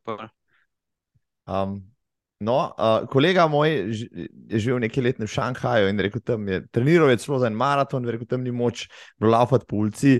Jaz sem laufal v, v, v Džimu na stezi. Kje si bil pa ti, pa je res tako grozen zrak tam, pa, da se ne more laufati? Ja, jaz sem dobil štipendijo, s katero sem lahko zbral kjerkoli univerzo na kitajskem hotel in jo je Karaja zbrala, se pravi Hajkov. To je glavno mesto na otoku v provinci Hainan. To je mhm. praktično tropski otok, čist na jugu Kitajske, tako da tam je bistveno boljš kot na celini. Industrije praktično ni, ker čuvajo otok za turizem. Pridejo dnevi, ko recimo je prišel umazan zrak, ampak večinoma je bil tisti precej čist oceanski zrak, tako da ja, pa še zime ni bilo. Tako da res sva si izbrala vrhunsko. Če bi bil to Peking, ne vem, bistveno težji. Bi svoje nove tekaške začetke tam začel. Um, Pa, pa greš še kdaj, te še nekaj na kitajsko, morda celo odlafati, ker še maraton ali pa trail ali pa uh, tale kitajski zid, ima tudi svoj tek. Uh, tisti kitajski zid, ne vem, je zelo taka, uh, kako bi rekel, zelo popularna tekma, mislim, da je kar težko odprideti. Ampak so pa traili ratali noro popularni na kitajskem in tudi vrhunski so veliko kitajskih tekačev in tekačic, zelo vrhunskih. Tako da pred korono sem že tako na pol zmenjen bil z enim uh, znancem, da se, da se zmenimo, tako na pol naj vzaj bi malo sponzoriral, pač rabo bi pomoč tam pri prijavi, pa tako malo. In po iz korona to malo uh, v vodo padal. Tako da zdaj ne vem, kdaj bo naslednja prilika, ampak definitivno, če bi se dal, bi šel kakšen, mar, kakšen ta trail tja odteč. Um, drugač pa ja, uh, kar dolgo sem pa še hodil na Kitajsko delati, tudi, ampak zdaj od korone naprej ni, ni videti še zaenkrat. Zdaj, delaš od doma, prevajaš, tolmačiš? Uh, ja, zdaj, prej nekaj časa sem delal na veleposlaništvu v Ljubljani, pa sem pa videl, da bo boljš, da lahko odprem SP, pa delam večinoma parkrat na leto na Kitajsko, po terenu, tudi od doma, kakšne dokumente. Tako da sem fleksibilen s časom, to mi, je, to mi prav pride za trening, sigurno. Ker ko sem delal v, službi, v pisarni 8 ur, je kar trpel. No. Je, bilo, je bilo eno tako obdobje, ko sem videl, recimo po zimi, prihajaš domov ob temi in je treba zlučko teči. Se mi zdi v redu, da sem to skozi dal, ampak za kvaliteten trening pa res ni najboljši. No. Je lažje narediti ker si misliš, da ja, če mi je še težje, bo sigurno boljši trening, ampak ni nujno. Včasih je do, za dober trening, moraš biti spočit, pa ja. kvalitetno odteč. Ni treba, da zmer trpiš pri treningu. Zakaj ne bi ga? Ja, točno to. Kakšen ga ja, kakšen ga ja, ja čisto ja, okay. to tudi doživiš. Za, za kvaliteto je pa fajn biti spočit. Pa, tako, meni je idealno, če lahko tako naredim, da dopoledne tečem, takrat se najmočnejši počutim. Prav. Tako da oboje, kdaj eno, kdaj drugo prednost freelancerstva so tudi, ja, ja. Ja, da lahko več treniraš. Nekaj me zanima, zakaj kitajščina? Ja, ne vem, kako sem se takrat odločil. Uh, mislim, sigurno je bilo tako jasno, da je Kitajska v sponu gospodarsko in v vseh drugih pogledih. Tako da takrat me je nekako to parjel. Um, ne, ne vem, zdaj, če bi se še enkrat isto odločil, ampak zdaj tako je. Težko je dobiti službo samo s tem, da si sinolog. Tako da moraš, uh, moraš še kako drugače znajti. No. Samo kot prevajalec, ampak ja. Ja, imam, imam znanko, ki je tudi sinologinja, pa, pa, pa ne dela v svojem fohu, večinoma ne. No, ker pravi, se da je. Pravim, velika večina sošolcev ni v fohu ostala, so se razkropili po drugih službah. Um, no, Se pravi, če, če bi kdaj potovali na Kitajsko, kakšne maratone, te vzamemo s sabo za prevajalca uradnega. Ja, lahko bi kdaj naredili kaj tako, da bi kolektivno šli. Mislim, glede na to, da ja, je ideja, ideja dosti. Ja. Veliki idej, s Kitajsko se bo sigurno še kaj delal, ker tudi oni so zdaj pač vedno večji ta relativno premožni srednji razred, ki si lahko neki prvošč, tako da radi pridejo. Mislim, da v prvi val, ko so vsi šli samo v Benetke, pa v Rim, pa to je nekako mim in bojo iskali že kaj drugega. Ko so Kitajci kupili, celo maraton, menžer se je, in tako naprej, uh, se je ogromno povečala uh, količina kitajskih tekačev na teh majorsih v Berlinu, kamor vsak let hodimo, recimo, ali pa zelo pogosto, je ne vem, iz par sto, kar naenkrat narasta ta številka na par tisoč. Da, kot ti praviš, ja, Kitajci, srednji razred je pogruntov, da je tudi tek, recimo, zanimiva oblika preživljanja prostega časa. Ja. Pa še potuješ ja. lahko. Um, kako se, dragi, že po kitajsko reče, si danes že tekel? Uh, ni, čim ti je, ni čim Pavla ima. Približno to sem zdaj zgledal. Veš, nisem pomislil, da boš to vprašal. Ja. Čim ti je, ni čim Pavla ima. Tudi podraznost eh, ne bom ja. tega ponovno za tabo, ampak bom si potem pa večkrat zavrtel. Zato, če, ja, pa bom pa to proval. Ko, ko, ko bom prodrl na kitajski trg, ja, bom, po... ja. te bom poklical, da bova skupaj to. Ja, boš ti moj prevajalce. Evo, tako, evo, ok, zmeni. um, No, vrnemo se k trailom, oziroma eh, tvojim tekaškim začetkom. Rekl si, ujel si trail val, to je res, ampak tvoj prvi resni tek je bil pa vendarle maraton na cesti. Je tako? Uh, Ljubljanski maraton. Ja. Uh, se mi zdi, da sem tudi nisem pretiraval. Tuno, da bi šel iz Kauča na maraton. Glih. Sem tam že kar ene štiri leta tekel, precej redno, prej sem se odločil za Ljubljanski maraton. To je bilo 2016, pa sem pa že šel 2017 na Ultra Trail, Vipava Veli na 50.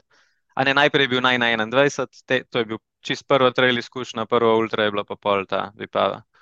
Pa sem pa kar jih kar nizal. No.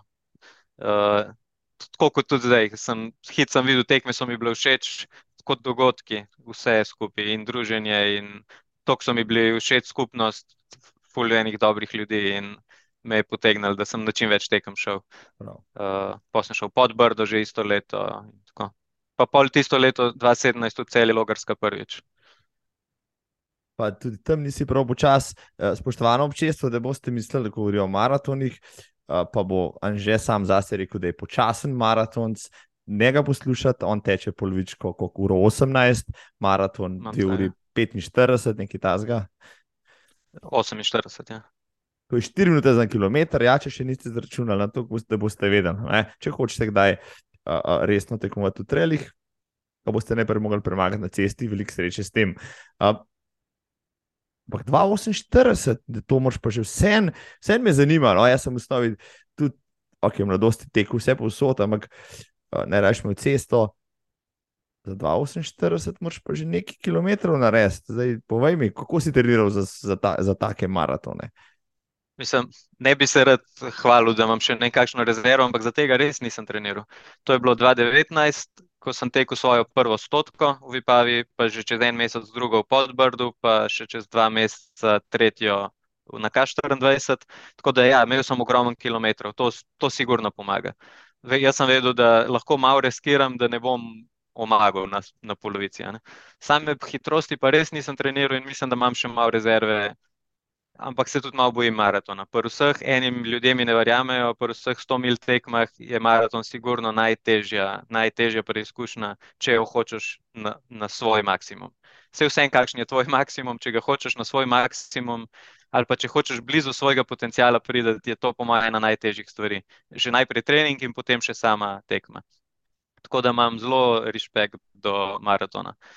Um, ampak bi ga rad še kdaj. No. Mislim, da ga po 2,40 verjetno lahko grem. Um, ampak drugačno, preveč me hvališ. Jaz res mislim, da nisem, res mislim, da nisem dober, oziroma dejstva so to. Uh, pač smo na nekem razponu, ne? so genetika, mislim, da tukaj naredi bistveno razliko in uh, so seveda bistveno, bistveno boljši od mene. Ampak pač uživam v tem, tekem je ratelj velik, tisti, ta res najboljši, tudi ne morejo na vse iti in tako se mi zdi, da pol malo več prilike ostane, da še kdo drug kakšno zmago pobere. kje.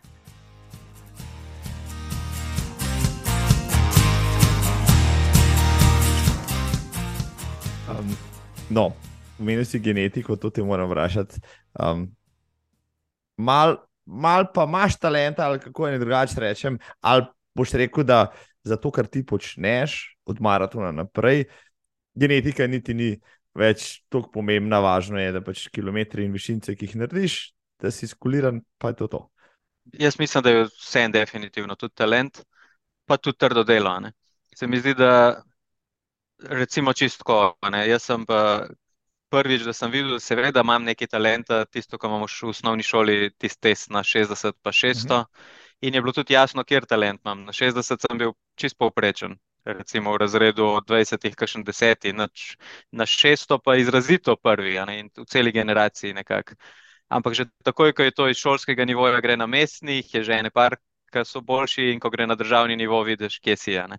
In potem, ko sem treniral atletiko, sem videl, da je pač razlika s fanti, ki smo identično trenirali, uh, so se kazale razlike. ne. Definitivno pač vse ti to veš, sigurno, pač talent igra vlogo. ne. Je pa dejstvo, da brez trdega treninga tudi najboljši talenti ne bojo dosegli nekih rezultatov. Ne.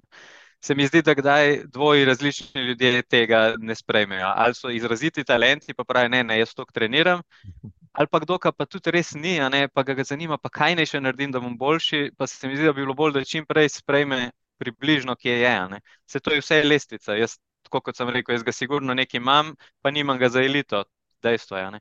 In na 100 mil na koncu, ko vidiš, recimo, kaj dela Kiljan, ki je še vedno zelo dolga tekma, ampak jo, jo tudi hiter, tudi hiter moraš biti za, za tiste rezultate. a ne.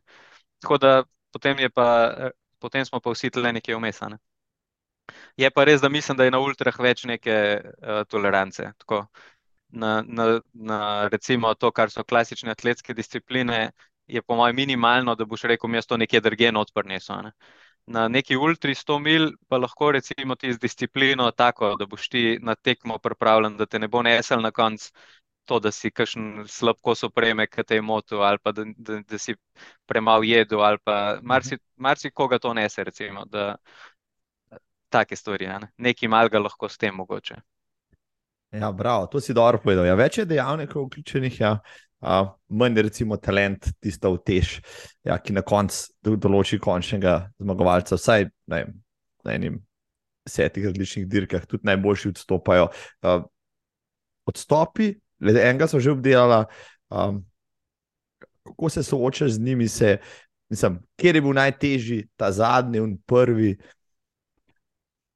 Čist najtežji, mogoče uh, Ljubljanski maraton, uh, se pravi, že naslednje leto. 2016 sem prvi v teku, 2017 sem pa potem teku septembra celje Logarska, ki mi je še kar v redu šlo in mi je napumpal samo zavest čist preveč. Pa sem si mislil, ah, če 75 tečem, bom pa maraton, kadar hočem.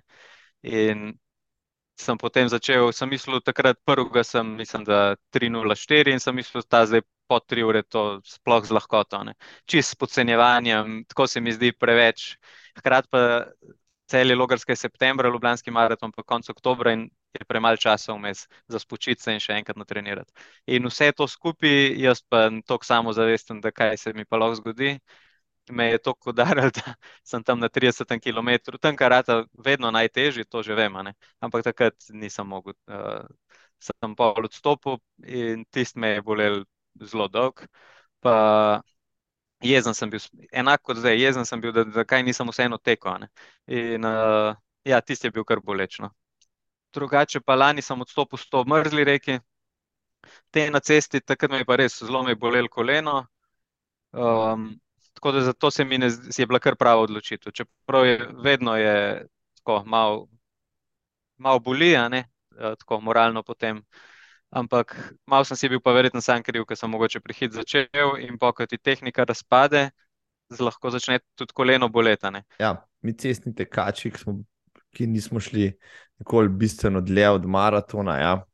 pa, smo, pa, pa ne bi bilo vse, če smo pač shodili pač zadnjih ne vem, nekaj kilometrov. Um, Jaz sem se enkrat, sem bil tako počasen, da so me, pač, ker sem spremljal vse te kače, pa so me hoteli diskvalificirati, pa dal dol z proge. Mislim, da je bilo v Baški grafi, pa sem ustrajal, da grem do konca, tudi če bom diskvalificiran, sam, da sam preseb ne bom odstopil. Ampak uh, zdaj poslušam veliko zgodb, posebej v Ultrašov. Sem rekel, vse odstop. Uh, mogoče ni nič takega, kar bi se bal kot hudič križa, mogoče je to čist, uh, da priznaš sam sebi, da si pač tudi renljiv, pa krval, pa pač, eh, da nisi vse mogočen, je včasih tudi dobro. No? Je tudi to ena lekcija iz ponižnosti, pa mogoče ne, način, kako eh, drugače treniraš, pa to sprejemaš sam sebe.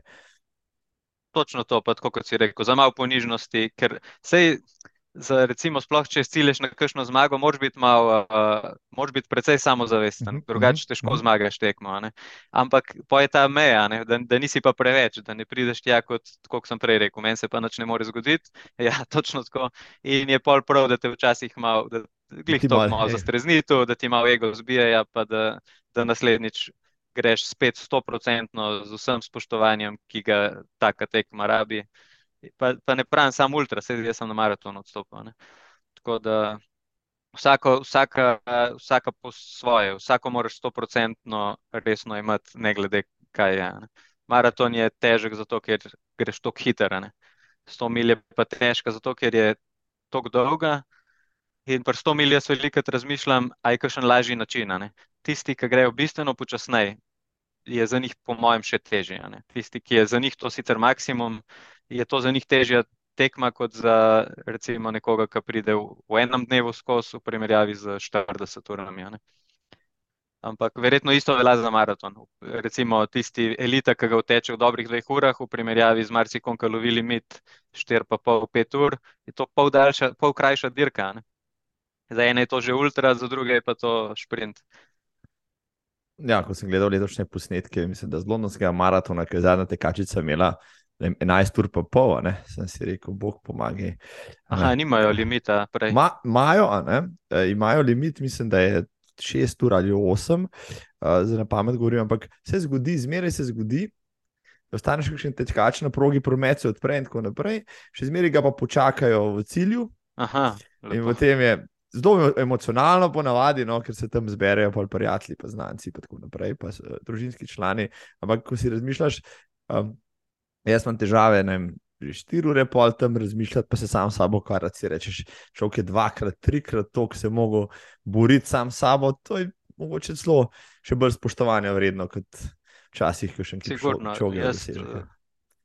na 100 mil jaz eno noč preživim. In ponavadi, ne glede kdaj štarta iz večer ali pa če ponavadi je recimo popovdne in prvo noč preživiš in čez dan končaš. In mi je vedno jih spoštujem, da grejo še v eno noč. Takrat, ko grem jaz v noč, je, sem svež in noč ponavadi res uživam, to mi je skoraj najljubši del tekme, ampak takrat nisem še niti zaspan, uh, velike energije imam, močan sem, dobro mi gre.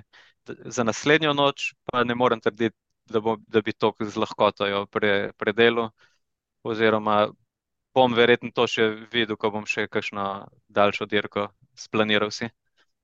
Um, no, zdaj mi je povedal, ja, kako. Nekje sem prebral eno intervju s tabo in bilo zelo hecno, ne, ko si te vprašali, kaj pa že, kako se motiviraš, pa kaj meš razmišljaš, pa si dejal, to je bilo zelo, zelo, zelo simpatično da si rečeš, vmes naslednji končevalci bom pa jaz odstopil, sam do tja še grem in tja prideš, pa rečeš, ne, ne bom odstopil, bom raje še naslednji in tako od končevalca do končevalca ja, tečeš. To taktiko se mi zdi, marsikdo uporablja nekako. Uh... Še do naslednjega drevesa, ali pa tako, sicer to je malo prekratka. Jaz si nekako rečem, vsaj do ukrepe. In se mi zdi, da včasih res uspem sam sebi se malo zlagati, in da mi je pol lažje. Da si rečem, vse tam je konc za me, ker bom itak odstopil, čeprav vem, da ne bom. Ni, ni to, kar resna odločitev, ampak se mi zdi, da zavestno si to govorim, globoko se pa ne. ne? In pa se nekako s tem sprijaznim, ok, itak se gre samo do tja, pa si pa tam pa čim prej pozabiti na to, pa iti čim prej naprej. Ne? Ampak recimo glih uh, Ultra Trail Vipaveli se mi zdi, da nekdo ne pozna trase. Pod nanos, recimo na 100 mil, je zadnji uh, zadnja taka točka v dolini, pa greš pa še na vrh nanosa in dol v Vipavo, tako je bilo lani. In me, za mene je pod nanos skoraj konc tekme. Tako se mi zdi, kot ja pridem, sem jaz v bistvu končal, ker od tam naprej, da ne bi končal, se mi zdi skoraj nemogoče. In se sploh ne ukvarjam s tistim nanosom, ker vem, da to bom pa itak še naredil. Ne? In mi je bistveno lažje mentalno, ko mislim, da je še 15 km do podnanosa in sam to čakam. Sploh ne razmišljam, kaj še polce v nanos. Tisto se mi pa zdi, ok, tisto bo pa za konc, ampak o tem bom pa razmišljal, ko bom enkrat tam. Ne? Ja, zanimiva taktika. Zanimiva taktika. Pa, še, pa še to je, na nanos je vzpon precej strm in dolg in vem, da ga bom na 100 mil tekmi hodil. Uh, recimo na krajši tekmi ga otečeš, na tej ni šans, da boš takrat še tekel v tok strn klanc. In je nekaj tak, za pač preseka v območje, ki je kombinacija hoja, tek, hoja, tek, tle bo pa zdaj en, ena ura, še več ura pa pol hoje. In se mi zdi, da shodim to vedno lahko. S palcami, če najdem, če sem tok prmoček, da imam nek soliden korak, uh, to mi sploh ni problem. Težje mi je poln spust iz nanosa še dol, ampak to pa itek še narediš ta spust in pa je pa res kanc. Misliš, da je zaradi tega, kar si zdaj lepo povedal, zelo lepo si to povedal, tudi trail tako popularen, ker si zmeraj rečeš, ma, če pa nam mogo laufati, shodem pa zmeraj lahko. Se mi zdi, da sigurno. Tako da tudi uh, za marsikoga je ta ultra izkušnja, lahko tudi na bistveno krajši tekmi. Lahko 30, ki so tipične, na katerih mašune res najbolj hitre, ki, so, ki jo praktično celo zelo hitro tečejo, mm -hmm. pa do tistih, ki grejo kaj bolj po to ultraško izkušnjo. Ne? Tudi če ni na papirju to ultra, na 30 km ti vse doživiš. Od krize, ki jo prebrodaš, pa nekako se mi zdi, da doživiš tekmo. Tako da nekdo, ki ni glih življenje posvetil temu trail teku, moj 30 ali pa 50, lahko že čisto dost, da, da vidiš, kako cela zadeva zgleda. Ne? In vmes hodiš. In um, zadnjič je bila nekaj debata, ne? to, to je večkrat pri cestnih tekačih, ko kdo, še prvi pristopnik, gre od lava desetko ali pa sto polovičko, pa reče, jaz sem bil na maratonu. In potem se seveda oni pravoverni puristi oglasijo, pa rečejo, če nisi 42, 195, nisi maraton, uh, bogokletno je to govoriti, no zdaj očitno. Upam, da se to ne bo preselilo v trail tek, ko bo nekdo rekel, jaz sem šel pa na ultra trail, 30, pa bodo kakšni puristi, ampak puristi. Uh, na ultratrailih so preveč zmatrani, da bi se še pol s tem ukvarjali, najbrž na koncu. Se, se mi zdi, da so neke te debate. Že na cestah je nekaj supermaraton, kaj je ultramaraton, pa tako. Vse je vseeno, ne drugače. Vsak gre po svoje, tudi, tudi na trailih vidim, kdo, tako smo se glih zančkecali, ker smo tle tekali v Vipavi. Vsak bo letvico postavil tam, kjer je on že bil. Ne? Ko si v teku stotka, si rekel stotka je pa ta prava ultra, pa si pa sto mil v teku, pa ne stotka še ni, sto mil je pa uno pravo. Ne? Tako da kar kdo res. Uh, izkušnjo, mislim, da na 30 dobiš približno Prav. tako, če, če greš počasi, pa, pa nekako uživati, s tem, da verjetno nisi res ogromen treniral zadnje leta. Ne. Če pa si, boš pa si, si sam kriv, moraš pa na stotko, ne, po isto izkušnjo. Je, 5 ti- km, če prehit začneš, boš uh, trpel, a ne. ampak je drugačna ta kriza kot tista, ko te pobere na neki stotki. Uh, drugače. No. Tvoja uh, najljubša razdalja? Uh, ja, zdaj je po mojem 100 mil. Pač v teku sem nekih 10 stotk, se mi zdi. In potem lani sem šele prvič odtekel prvič 100 mil in mi je bilo tako zelo, zelo všeč. Ker se malo manj mudi, stotke so še tako zelo hitre. Uh, tudi to vsi, ki so oboje sprobali, povejo, da na 100 mil je pa res treba pikco bolj na zavoru stopiti, kaj več je treba vmes pojesti. In če pride kakšna zelo huda kriza, pa ti traja 3-4 ure, da se prebiješ skozi njo, še nisi tako velik zgubo. Ker na stotki si izgubil tekmo, če si predolg v neki krizi bil. Ne. Na 100 mil, moja prva je bila 100 mil Istre, kjer mi od začetka res ni najbolj šlo, pa sem rekel, grem jo končati samo zato, da imam prvo narejeno, pa bom drugič se s časom ukvarjal. In na koncu sploh nisem imel slab rezultat, sem prišel četrti, ker sem videl, da vse, kar moraš, je premikati se cel čas, ne čez sebe, če imaš krizo, pustiti ne na silo, probati čez krizo prideti, ker bo samo vedno hujša. Takrat je treba korak nazaj stopiti in biti pod uno mejo, da se v bistvu med tekom regeneriraš. In potem slej, ko prej pride, pa lahko traja dve, tri ure, ampak pride trenutek, ko pa naenkrat začutiš spet ogromne energije. In uh, tako se mi zdi, na 100 mil je čas za to. Na 100 km je, to so že hitre dirke, ratale. To je tako. Pa se, če bi šel pa na vrhunski nivo, so pa 100 mil tudi hitre tekme. Ne? Ampak vsaj tako se mi zdi, no, da mi 100 mil mi res uh, ustreza. Ampak grem pa zelo rad na 30, tudi. Tam pa glih zaradi hitrosti. Se pa hiter teče, taka malo bolj adrenalinska, spuste je treba iti hiter. Nisem dober, tam nisem konkurenčen eh, z najboljšimi, jih imam pa vseeno rad. Um, no, če so že pri hitrosti v 100 milkah letošnja tvoja, bi pa, pa 22 ur za 100 mil, kdo bi rekel, da je kar, kar lep rezultat že to. Ja. Recimo, ja. Mislim, Vipava res nima toliko velik višincev, ampak letos sem bil zadovoljen z rezultatom. Ja, pa prej, ki si rekel, drugi je bil zadnji uh, Andi Mamič, Mhm. mislim, da gre on lahko še tudi bistveno hitreje. On je te tekme letos malo delal v okviru priprav na Tour de Jean, tako da je bil že en mesec prej na Istri. Pa, tako da to je zelo tako. Včasih je ena ura, pa ko se mi zdi, ko nekoga loviš, recimo, jaz najraj tečem, ne toliko prvi, prvi je najtežji biti. Če si drugi, na vsaki ukrepi, od vsakega sprehajalca zveš, koliko je on pred tabo. Ne? Je bistveno lažji. In ti povejo, ima 10 minut, ok, in čez eno uro, če slišiš, da ima samo 5 minut, če veš, da se mu približuješ, ga boš šel loviti. Če pa slišiš, da je povečal prednost za 5 minut, boš pa mogoče popustil. In koncu, pa, ker boš rekel, da ga ne morem ujeti, recimo, pa boš popustil. In pa na koncu gledali, ja, naredil ti je pol ure. Ja, ampak te pol ure bi se lahko čisto drugače razpletala. ne. Takrat, ko se lomi, ali si pospešil, ali si popustil. Tako da uh, drugi bit je nekako res lažji, do, recimo, če imaš še čas ujeti. Prvega. Ja. Ja. Bolje biti lovec kot plena, kaj si rekel. Ja. Ja, ja, ja, ker prvi nimaš nikoli podatka, kje je v zadnji. Tudi če ti kdo ve povedati, je to star podatek iz prejšnje kontrole. a ne. Plus nimaš se časa, tam, če si drugi, ti bojo avtomatično povedali, ali pa če si peti, ti bojo avtomatično povedali, koliko je do prvega, koliko je un pred tabo. Ker si prvi, pa iz glave ne vejo, kdor ni na internet gledal prejšnje kontrolne točke, da ti bo zdaj povedal, načeloma nič ne vejo. Tebi vsi so veseli, da si prvi tam. In jaz tudi najraj pol sploh ne sprašujem, samo grem pa upam, da, da delam razliko. Pa da, da on ta drug ne posluša preveč, ko mu pravijo, da ja, 15 minut, 14, 13. Uh, je. nek, neki zmag že imaš za sabo, najljubša ti je ta letošnja ali še kakšna druga, ki jo imaš v spominu? Uh, ja, skoraj sigurno tale. Lani sem uh, v Podbrdu zmagal stotko, sem bil tudi zelo vesel, ker je bila neka prva.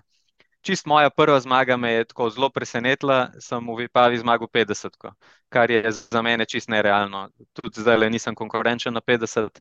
Takrat je bilo pa državno prvenstvo na 30 in je par najhitrejših, Marko Tratnik, pa Lež Žontar, pa še par takih so šli na 30 in takrat je bila prilika edinstvena, edinič v zgodovini UTVV, da ni Marko Tratnik zmagal 50. In meni je bilo tako, sladka zmaga, ampak hkrati je malo mal tak priokus imela, ok, vem, vem, da je to zato, ker ta hitrih ni bilo. Čeprav se je par dobrih je bilo, ne pravim, da, da tudi te, ki so bili konkurenca, jih nič ne podcenjujem, ampak izkoristil sem to priliko, skozi sem imel pomal tak občutek, ampak ta je bila malo taka podarjena. Potem pa lani v Podbrdu, ko sem pa stotko zmagal, mi je bilo pa tako, malo bolj se mi je zdelo, no, ta je bila pa zdaj brez nekih izgovorov, ki sem si jih sam nekako. Uh, Vipava pa zdaj pa sigurno. No. Pa, pa ultra trail Vipava je tak, tak spektakel, tako dajo ti občutek, se je šov, super šov in res te tam potem nosijo tako malo. Cel ta njihov, ta zgodba rimska, tako se mi zdi, ja. da je tak ta prav šov znajo narediti. No. Smo se pogovarjali, da tam res ta spektakel uživaš, čeprav smo amateri, pa je to tako bolj užitek, pa vse, ampak nekako te pa tam bolj po rokah nosijo kot kakšen res vrhunski atlet, ki ni ne nagrad, ne, ne neke slave, praktično načane. Tako znajo res super narediti vzdušje. Uh, si bil pa tudi na vseh ostalih, ali si že bil na vseh slovenskih trailih, ultra trailih, ki imajo ponuditi daljše razdalje? Na večini. No. Ja. Čist na vseh nisem bil, ampak zdaj zadnja leta res na večini, ki še aja tekmuje, pa, pa tudi če jaz ne grem vsaj z njo. Tako da v Podbrdu, uh, Julian Alps, K24 mi je super tekma, tako, tako, podobno kot Podbrdu, tako malo domače vzdušje, pa, pa tudi zelo dobra organizacija. Potem na HG Trailu sem bil dvakrat, naj na 21 mi je bilo vedno super tekma, čeprav je kratka pa hitra. Um, upam, da nisem še kaj pozabil. V glavnem, no, kar grem, pa tudi kar še nisem bil, sigurno pride na vrsto. Uh, no, si... Aha, zdaj je tale Go for Trail, ta trail uh -huh. treh vrhov. Sem bil že na prvi izvedbi 2017, pa zdaj leto sem bil spet tudi lepa tekma. Tako všeč so mi kakšne take manjše.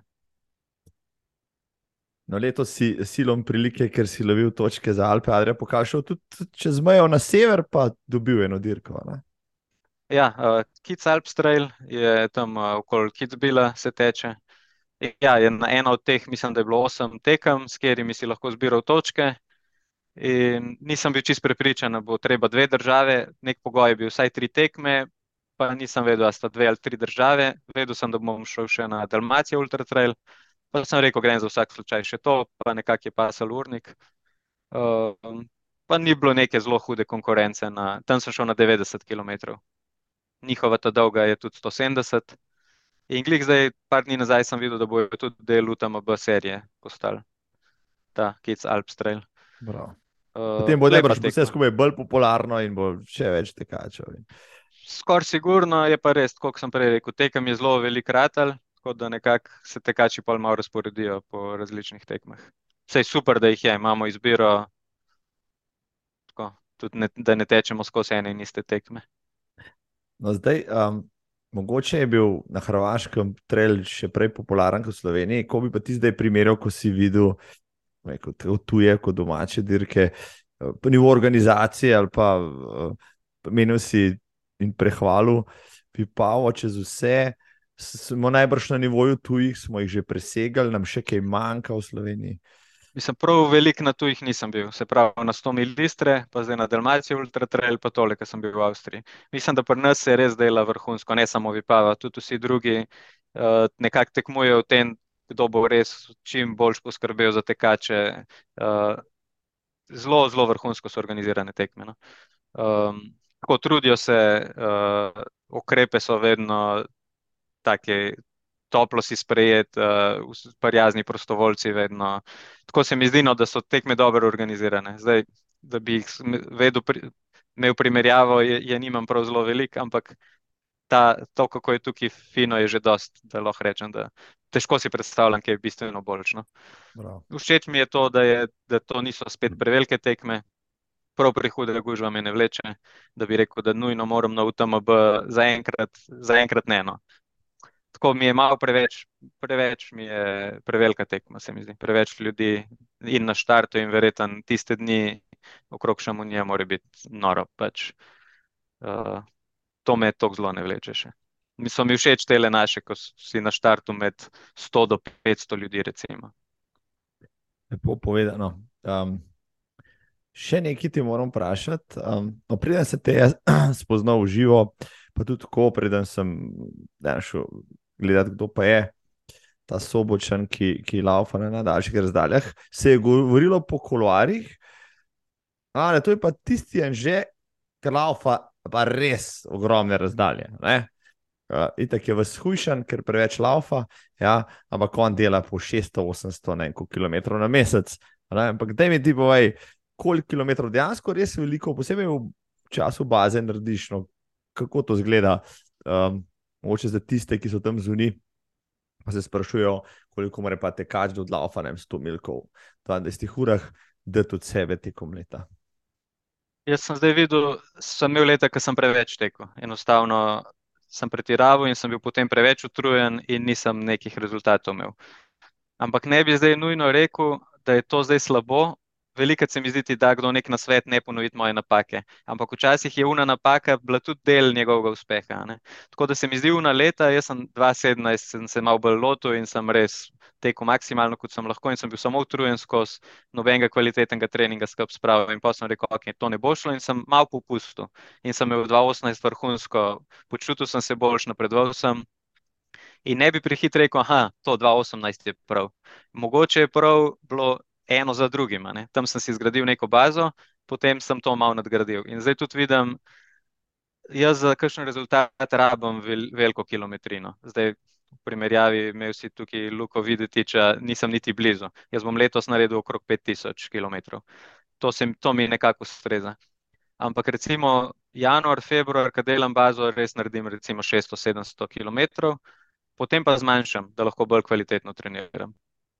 Tako da včasih se mi zdi, da sem samo zato, da sem 100 mil tedne delo, delo 100 mil in če sem jaz v soboto videl, jutr mi manjka še 35, sem rekel, pogrem pa 35.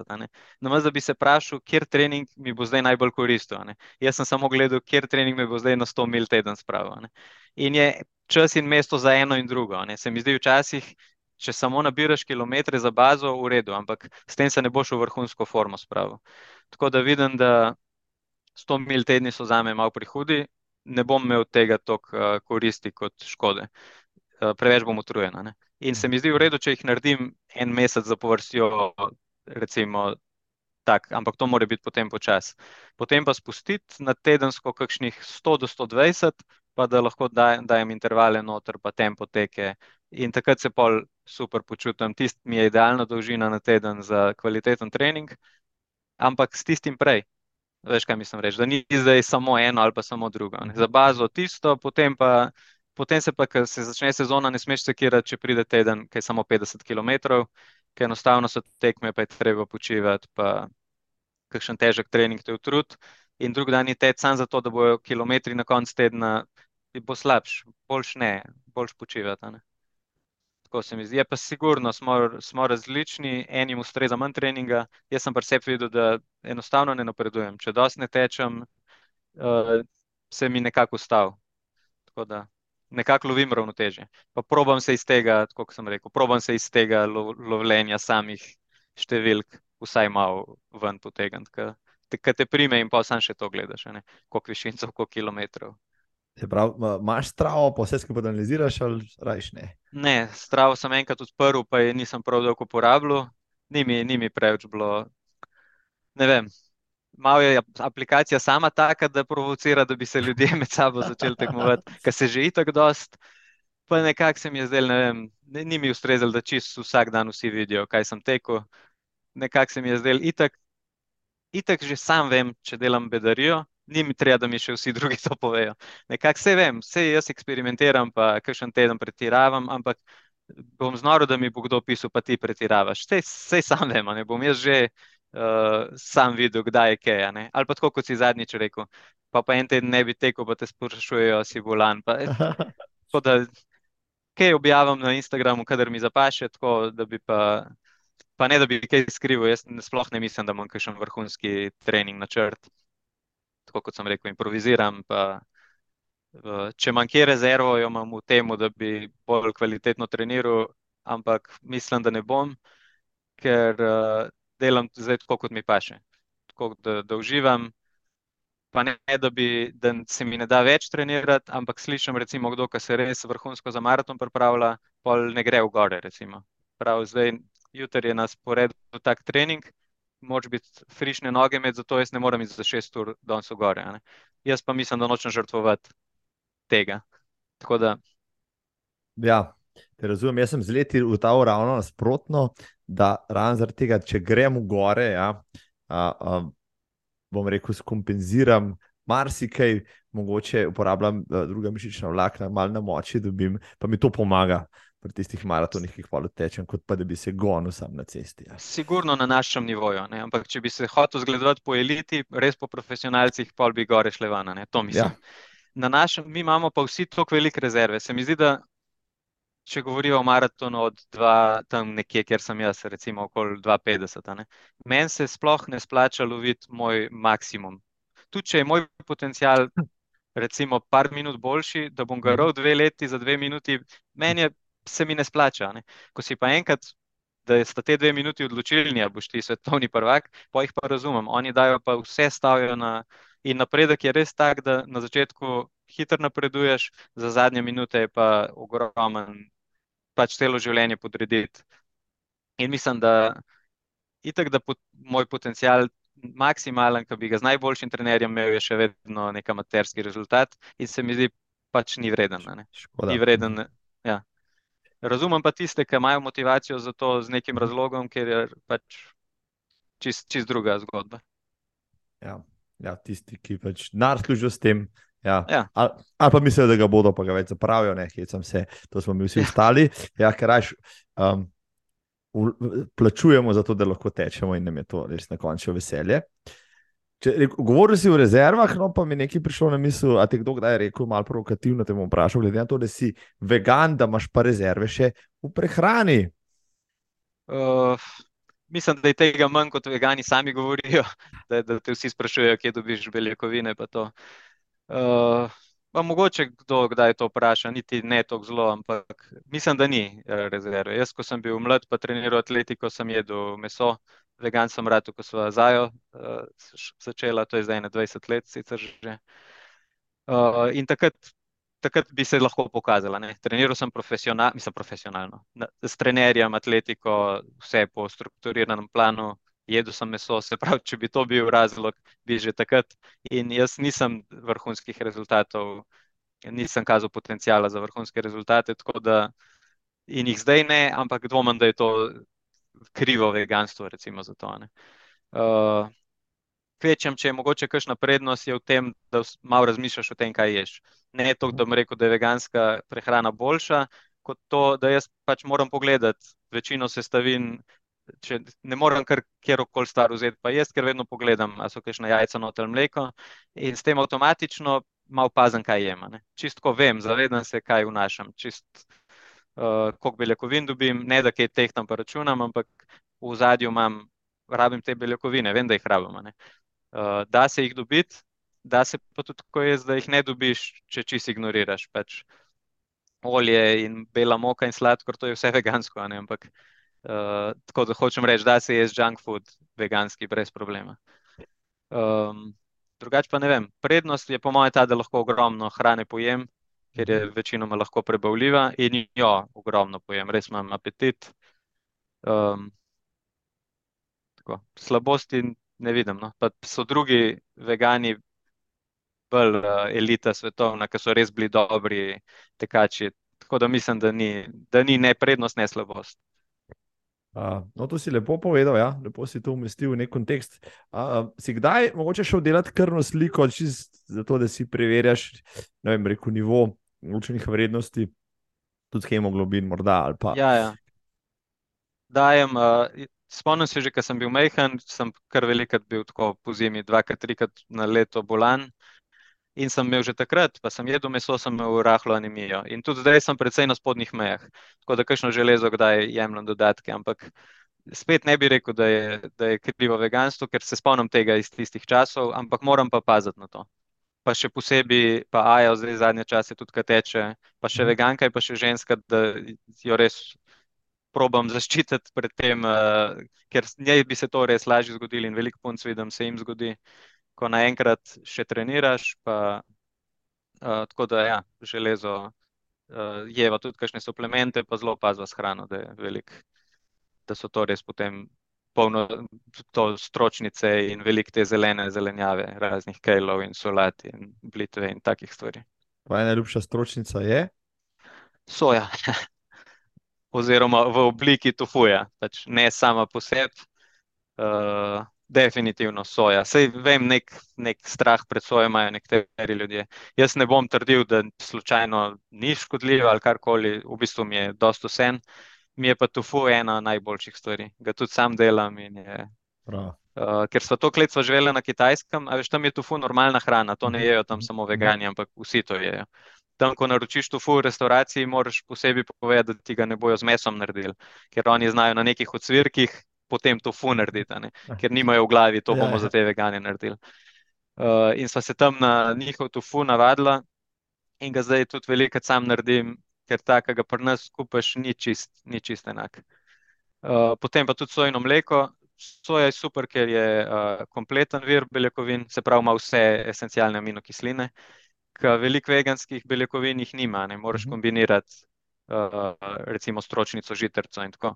Ampak soja ima pa že sama polne, se pravi, je, kako se že reče, komplet proteina. Uh, tako da s sojnim mlekom že s tem nekako dobiš tisto osnovo za beljakovine. Če zajtrk pojem uh, s kosmiči, je to že za beljakovine zadost.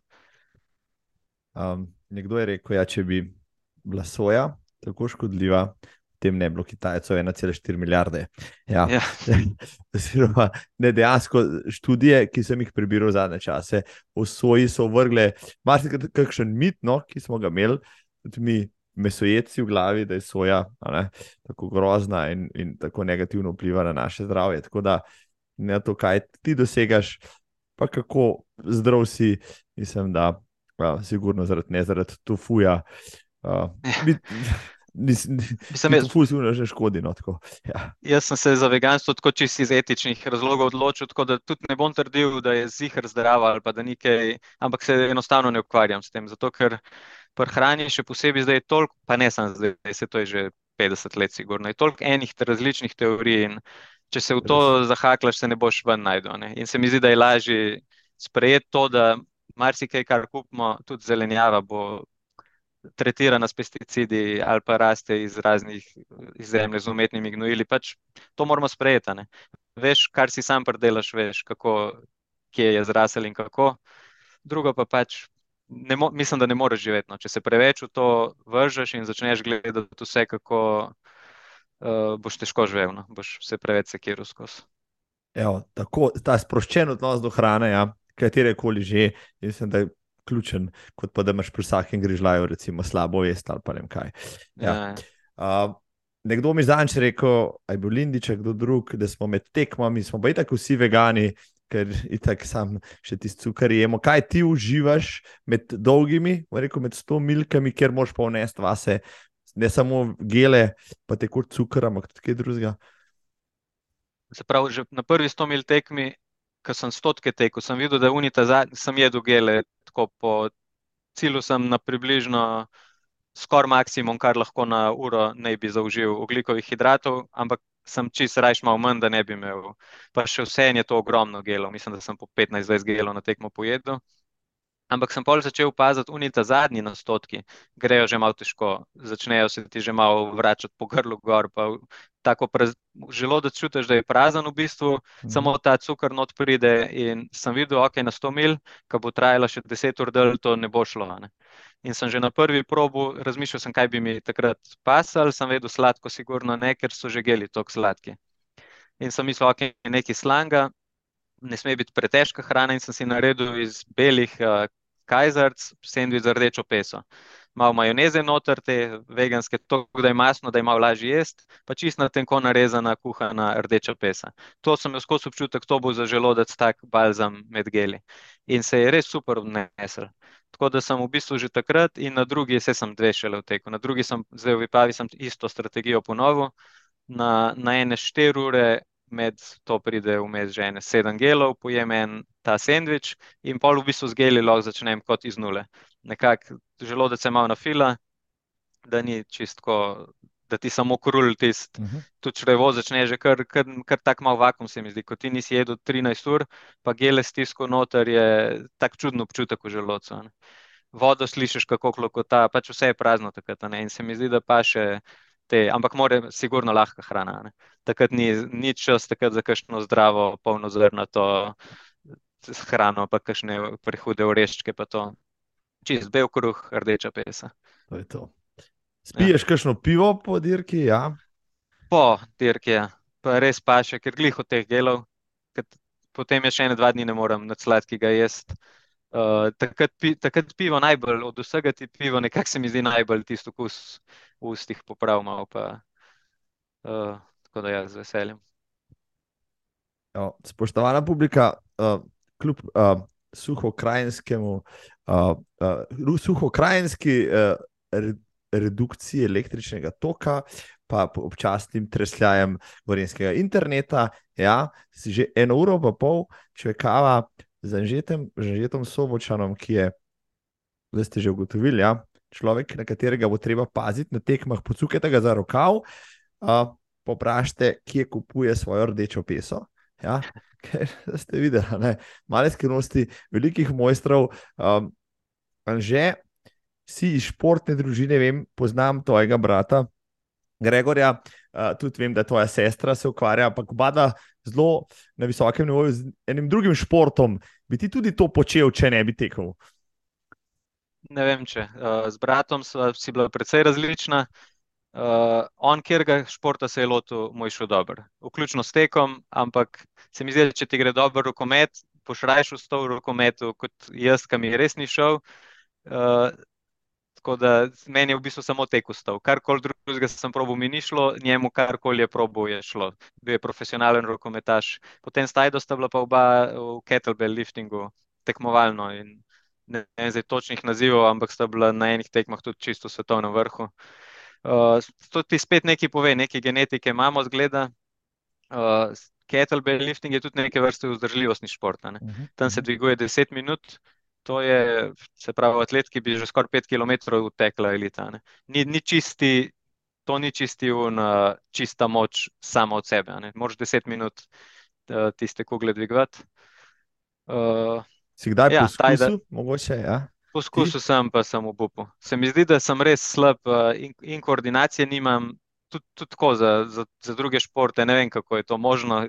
Po mojem, res starejši brat pobral gene. Uh, res, res sem antitalent bil. In kar, kar sem probil, no, od ko sem na igrišču igral nogomet, sem edini v življenju roko zlomil. Sem rekel, vsi te divji spusti, sem, pa, pa to ne, tako so si na pol podajali žogo s prijateljem, tako da to ni za me. Uh, ja, tajda pa tudi jo malo spodbujam, no, da bi spet uh, kaj več tekla, sestra. Rada teče, ima pa ogromno enih drugih obveznosti, tako da vedno malo kar mar med različnimi. Pa jo vleče tek, pa je zelo, in tudi kar gre, že veliko pol maratona vtekla. Ampak... Um, no, sicer potem ste druži, taka družina športna, jim, da starši na vas gledajo od s ponosom vam čestitajo za vaše dosežke. Ja, ja, nas podbujajo zelo, ampak recimo pa, nista bila pa starša, kakšna zelo športnika, pa da bi mi recimo sledili. Se mi zdi, da je bilo tako zelo zdravo okolje, kjer so nekako rekli, kar bo te hotela, ne? kar bo kdo hotel. Meni je bil še najbolj potem brat zgled, ki je bil skozi športu. In me je zvlekal, jaz bom tudi neki, sicer mi ni šlo to, kar je on delal, ampak uh, Ampak tako se mi zdi, živeli smo relativno aktivno, ne zdaj v zelo kakšnem ekstremnem športu, ampak kjer se je le dal, smo s kolesi hodili. Uh, tako, recimo, čist taka izkušnja. No. Mami vem, da se je skozi vozila s tistim ponijem v službo. Pa pa enkrat, uh, mislim, enkrat, ko je bila tista vojna za Slovenijo, kot je bilo, smo bili mi že vsi v žireh. Ne vem čisto točno, kako je bilo. Nekako bile so barikade na opadnicah in ne vem, samo še ona je ostala v Ljubljani. In enkrat se je ona s tistim ponjem pojavila v žireh, je prkolesarila. In meni je takrat tisto malo obrnil mišljenje. O, o te, mi smo vedno samo z avtom tja hodili, takrat, takrat ni, predtem sem jaz tisto iztrebije tekel. In takrat mi je tako, kako je to možno, da se, da se to da prideti. Tako se mi zdi, da sta bila taka dost uh, odtivja, no, pa tako, ampak noben pa neki, da bi nas v kakšen šport posebej usmeril, tako, kar je kdo hotel čist. No, jo, če so pri genetiki, to so pa divji geni. Pol, ja.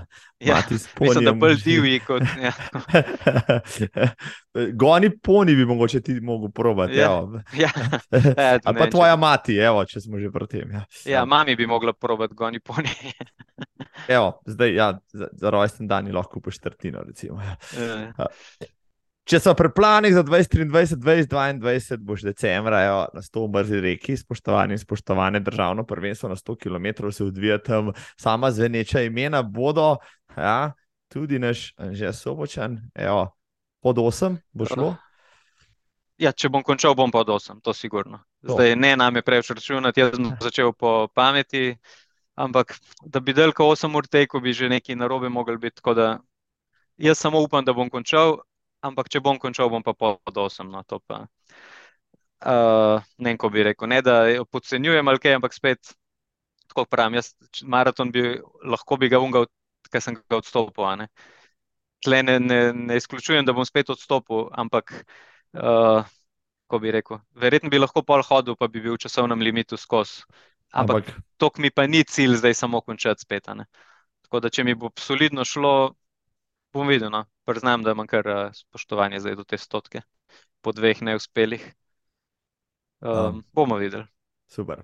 Bomo, bo, bomo tako ali drugače tole spremljali. Kje te v 2023, poleg Vipave, še bomo videli, mogoče v kraju na 6 ur, to si že rekel, še kje, kar imaš morda zdaj le ogledano.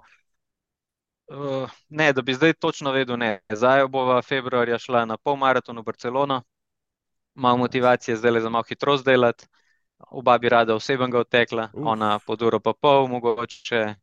Jaz svojega osebnega že kar malo težko lovim, zdaj pod uro 18 bom mogel že se fajn disciplinirati.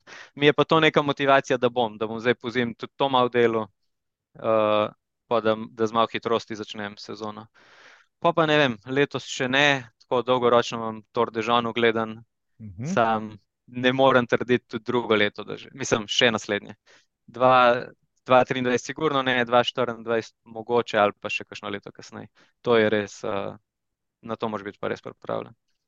In se mi zdi, da se ne moreš samo pripraviti s treningi, je treba veliko tekem skozi dati, uh, veliko različnih izkušenj, da, da te tam ne preseneti kakšna taka malenkost, kot je mene tle na Julian Alps, pa da bi Ja. tam zaradi česa tazga odstopil, tam moraš pa res sprejeti.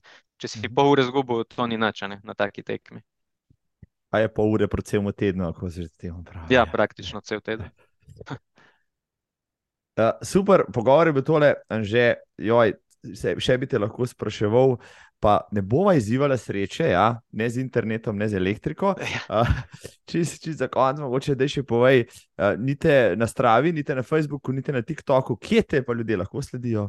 Uh, na TikToku celo imam nekaj računov, ampak ga bolj malo uporabljam. Hecam, Uh, ampak na, vidiš. na Instagramu sem najbolj aktiven. Tako. Uh, mogoče bi mogel tudi Facebook malo nazaj zalaufati. Na Instagramu je vedno ena dilema, a ga po angliško ga uporabljam, ker je kar veliko uh, tujih sledilcev, ampak malo, ne vem, pa bom verjetno začel Facebook malo bolj po slovensko uporabljati. Uh, ja, na Instagramu pa nekako, uh, če kaj treningov objavim, pa kaj jem, pa, pa predvsem boste pa pse tam videli. Če se tam psih, ja, evo, čisto za konec. Um, kako zahtevna disciplina je canicross? Je to bolj za sprostitev, je to dirka na polno? Divja, zelo divja. To, če te zanima, res boš imel še zanimive lahko. Recimo eh, Žan Žepič, ki je itak vrhunski trailaš, je tudi včasih to vrhunsko tekel, mislim, da je bil evropski podprvak mladinski. Nor šport je, res je zanimiv. Jaz sem, ga, jaz sem se čisto zaljubil v to, ne toliko, da bi zdaj življenje na glavo obrnil, ker pol moč ta pravega psa imeti, kar potem potegne za sabo cel kup stvari. Ampak s to psičko kamava, ki ni najbolj talentirana glih za to, ampak vseeno je dosti, da uživamo.